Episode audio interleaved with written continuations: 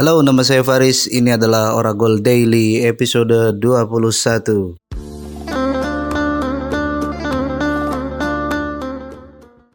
Selamat datang kembali di podcast Oragol karena sepak bola bukan hanya tentang gol. Episode ke-21 akan ngomongin soal dua pertandingan terakhir di babak semifinal.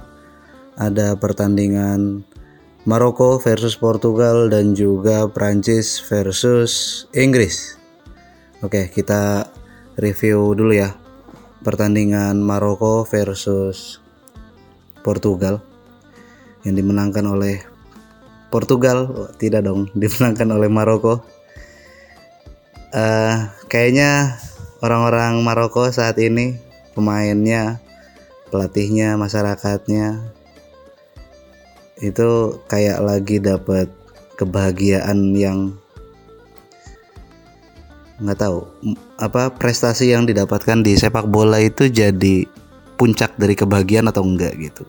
Karena biasanya ya sepak bola kan sudah cukup jadi olahraga yang populer dan uh, turnamennya kan sangat prestisius ya. Jadi apakah warga Maroko cukup bahagia gitu kan ditenggarai oleh faktor bahwa sepak bola itu juga jadi hal yang populer ya di negara tersebut. Makanya ketika ada uh, timnas ya sepak bolanya berprestasi gitu ya, mereka bakal bahagia gitu. Beda kalau misalkan tim apa namanya sepak bola tidak populer gitu. Tapi yang pasti kayaknya uh, dari video-video yang terlihat di sosial media gitu, orang-orang Maroko begitu gegap gempita merayakan Keberhasilan Maroko sebagai tim Afrika pertama yang berhasil menembus ke partai semifinal Piala Dunia.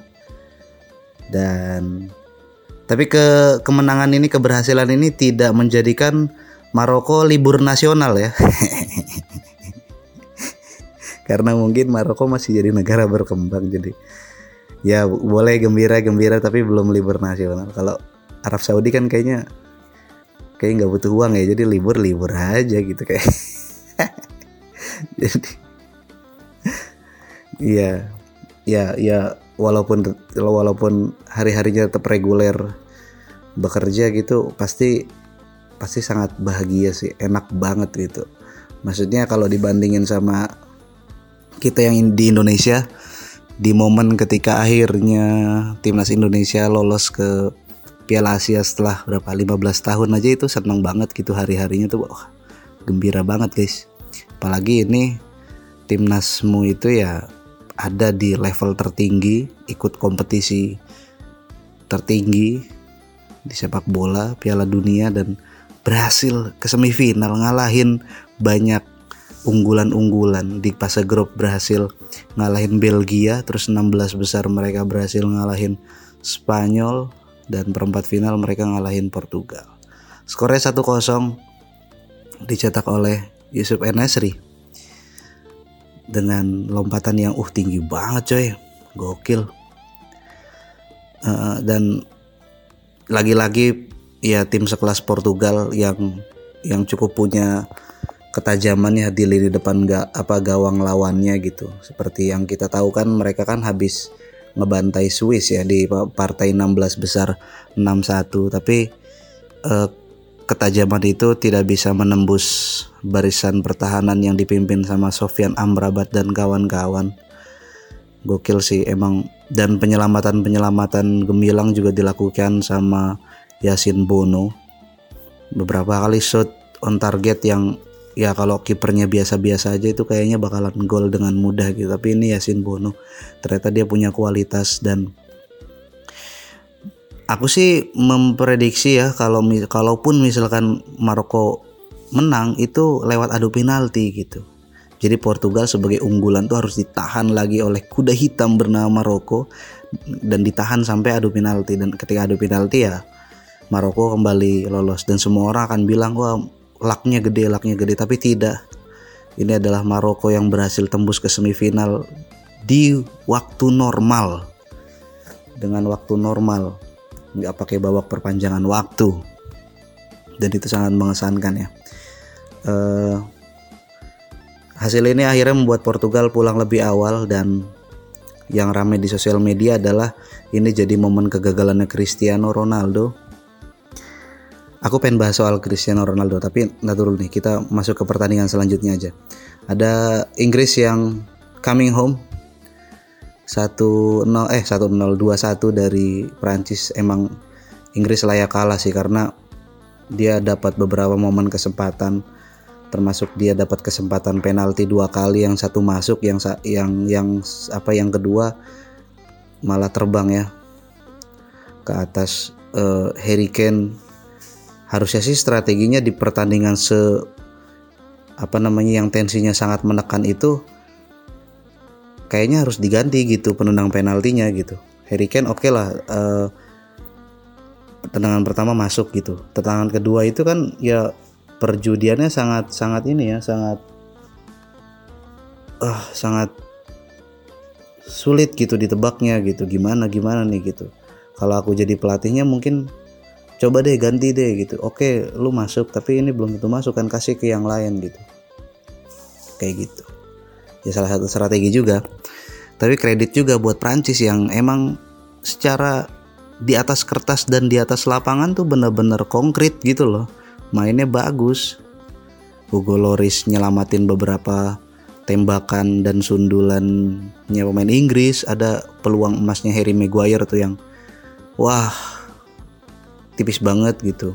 Dan beberapa tendangan-tendangan on target juga berhasil ditepis. Dan ya lini depannya siapa? Prancis juga. Ya kembali lagi bermain seperti bagai, bagai apa seperti dia adalah tim elit gitu. Oliver Giroud Kylian Mbappe walau di pertandingan pertandingan ini tidak tidak mencetak gol gitu itu bakal itu tetap apa tetap dapat kredit gitu. Dan bedanya Prancis sama tim-tim unggulan lainnya gitu. Misalkan Spanyol ataupun Brazil ya. Mereka itu punya pemain-pemain yang bisa ngetes tendangan dari luar kotak penalti. Dan itu yang dibutuhkan ketika mereka apa namanya tim itu yang dibutuhkan oleh tim unggulan ketika mereka melawan tim yang low block gitu yang menumpuk pemainnya di pertahanan mereka sendiri gitu dan dan berani satu berani ngetes ngetes ngesut ngesut gitu. Kedua ya memang kualitas syutingnya bagus-bagus gitu. Di pertandingan itu kan gol pembukanya Aurelien Tchouameni ya. Dan kita tahu di di di Prancis ada apa namanya Rabiot gitu. Terus siapa? Ya Kamavinga pemain-pemain bomber yang berasal dari lini tengah gitu Dembele juga dengan placing-placingnya gitu. Mbappe juga bisa placing dan Giroud terus siapa? Uh, Theo Hernandez gitu. Punya punya kualitas gitu sehingga itu yang akhirnya jadi pembedanya Perancis gitu.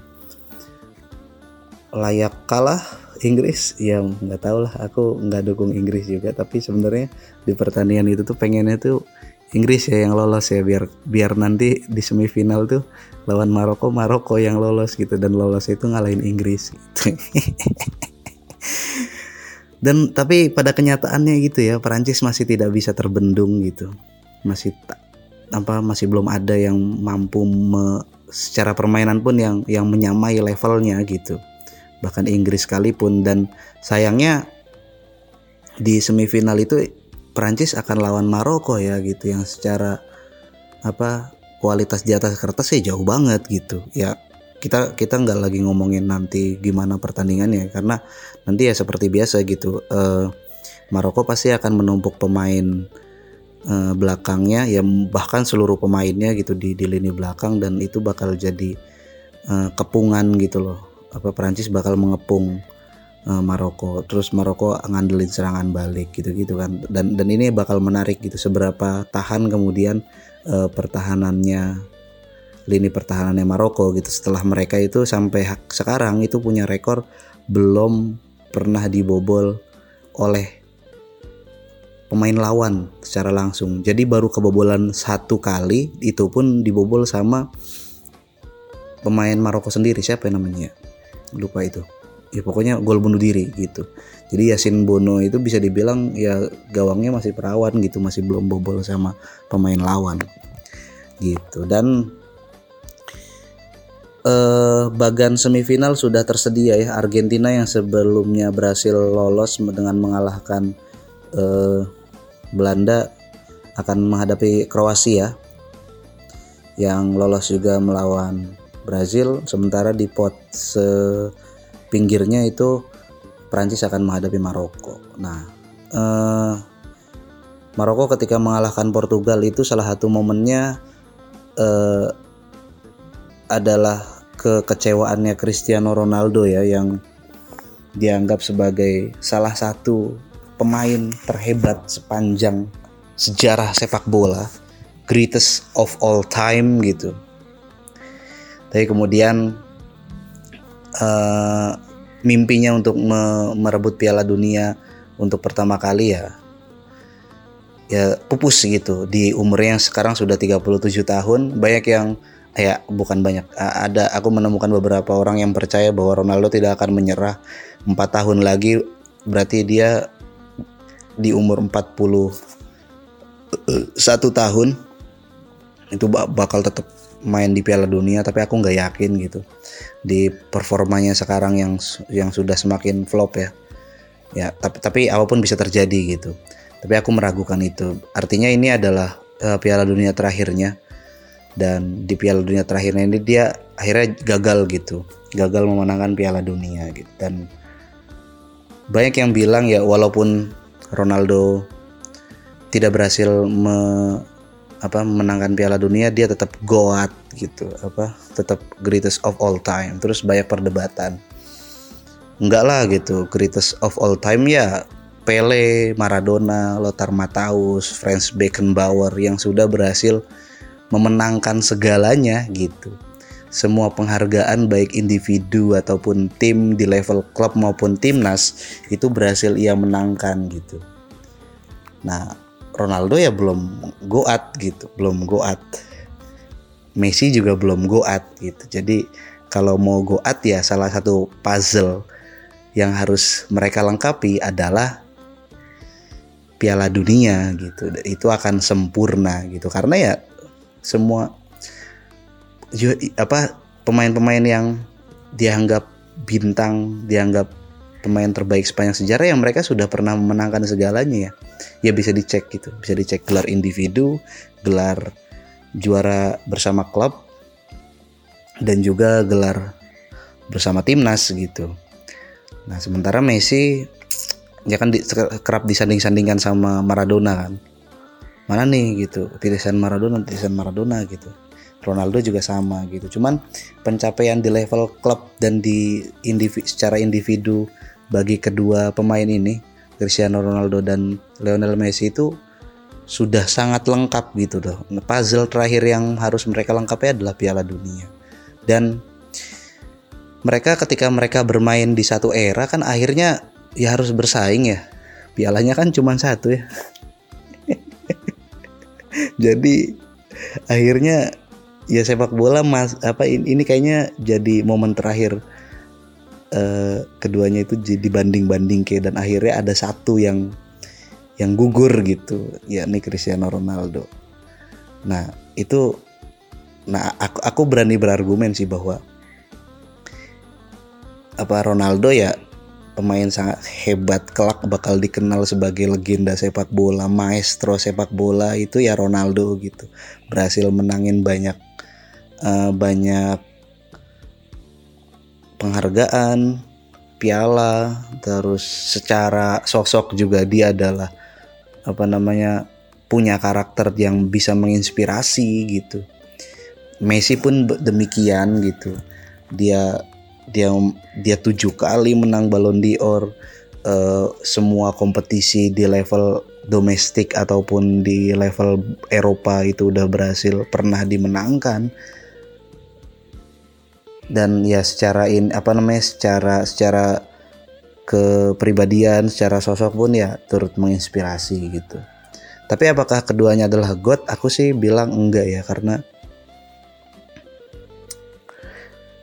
ya harus inilah harus jadi apa namanya harus Piala Dunia lah gitu.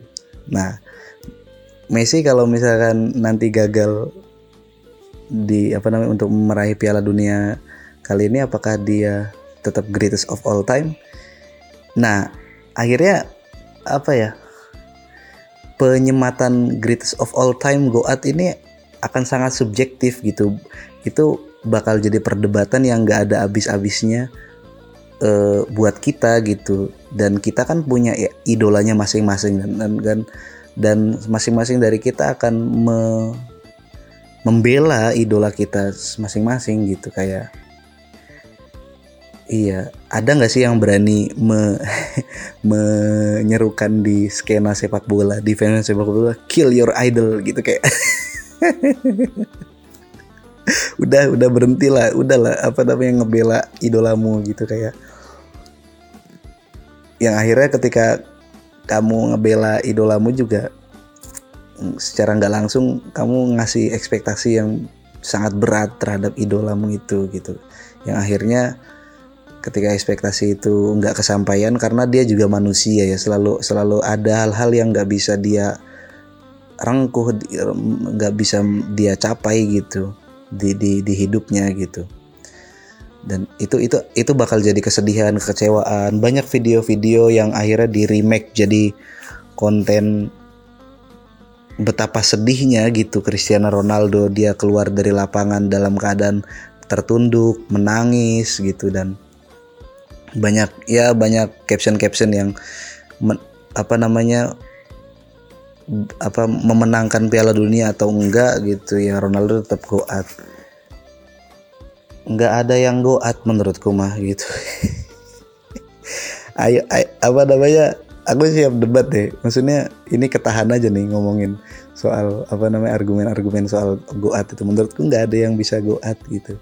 Nggak ada yang bisa greatest of all time kecuali ya apa pemain-pemain sebelum eranya Ronaldo sama Messi ya. Uh, pemain-pemain kayak Maradona, Pele, uh, Rotar Mataus ya, Franz Beckenbauer. Didier Deschamps apa bukan goat dia? yang pernah ja, apa yang pernah juara sebagai pemain dan sebagai pelatih itu goat nggak? Terus uh, siapa pemain-pemain yang yang masih muda tapi udah di umur di bawah umur 20 tahun tapi udah juara Piala Dunia goat bukan? ya itu bakal jadi perdebatan tergantung idolamu siapa nah itu dia yang kamu bela dan uh, kamu akan mencerca uh, rival dari idolamu gitu eh killing your idol aja gitu ini bakal jadi judul apa judulnya kayak gimana ya, ya tapi itulah gitu uh, perdebatan soal goat di sepak bola tidak akan ada habisnya jadi uh, kita nikmati saja momen-momen terakhir Piala Dunia. Makasih ya yang udah pada dengerin. Ciao Bella.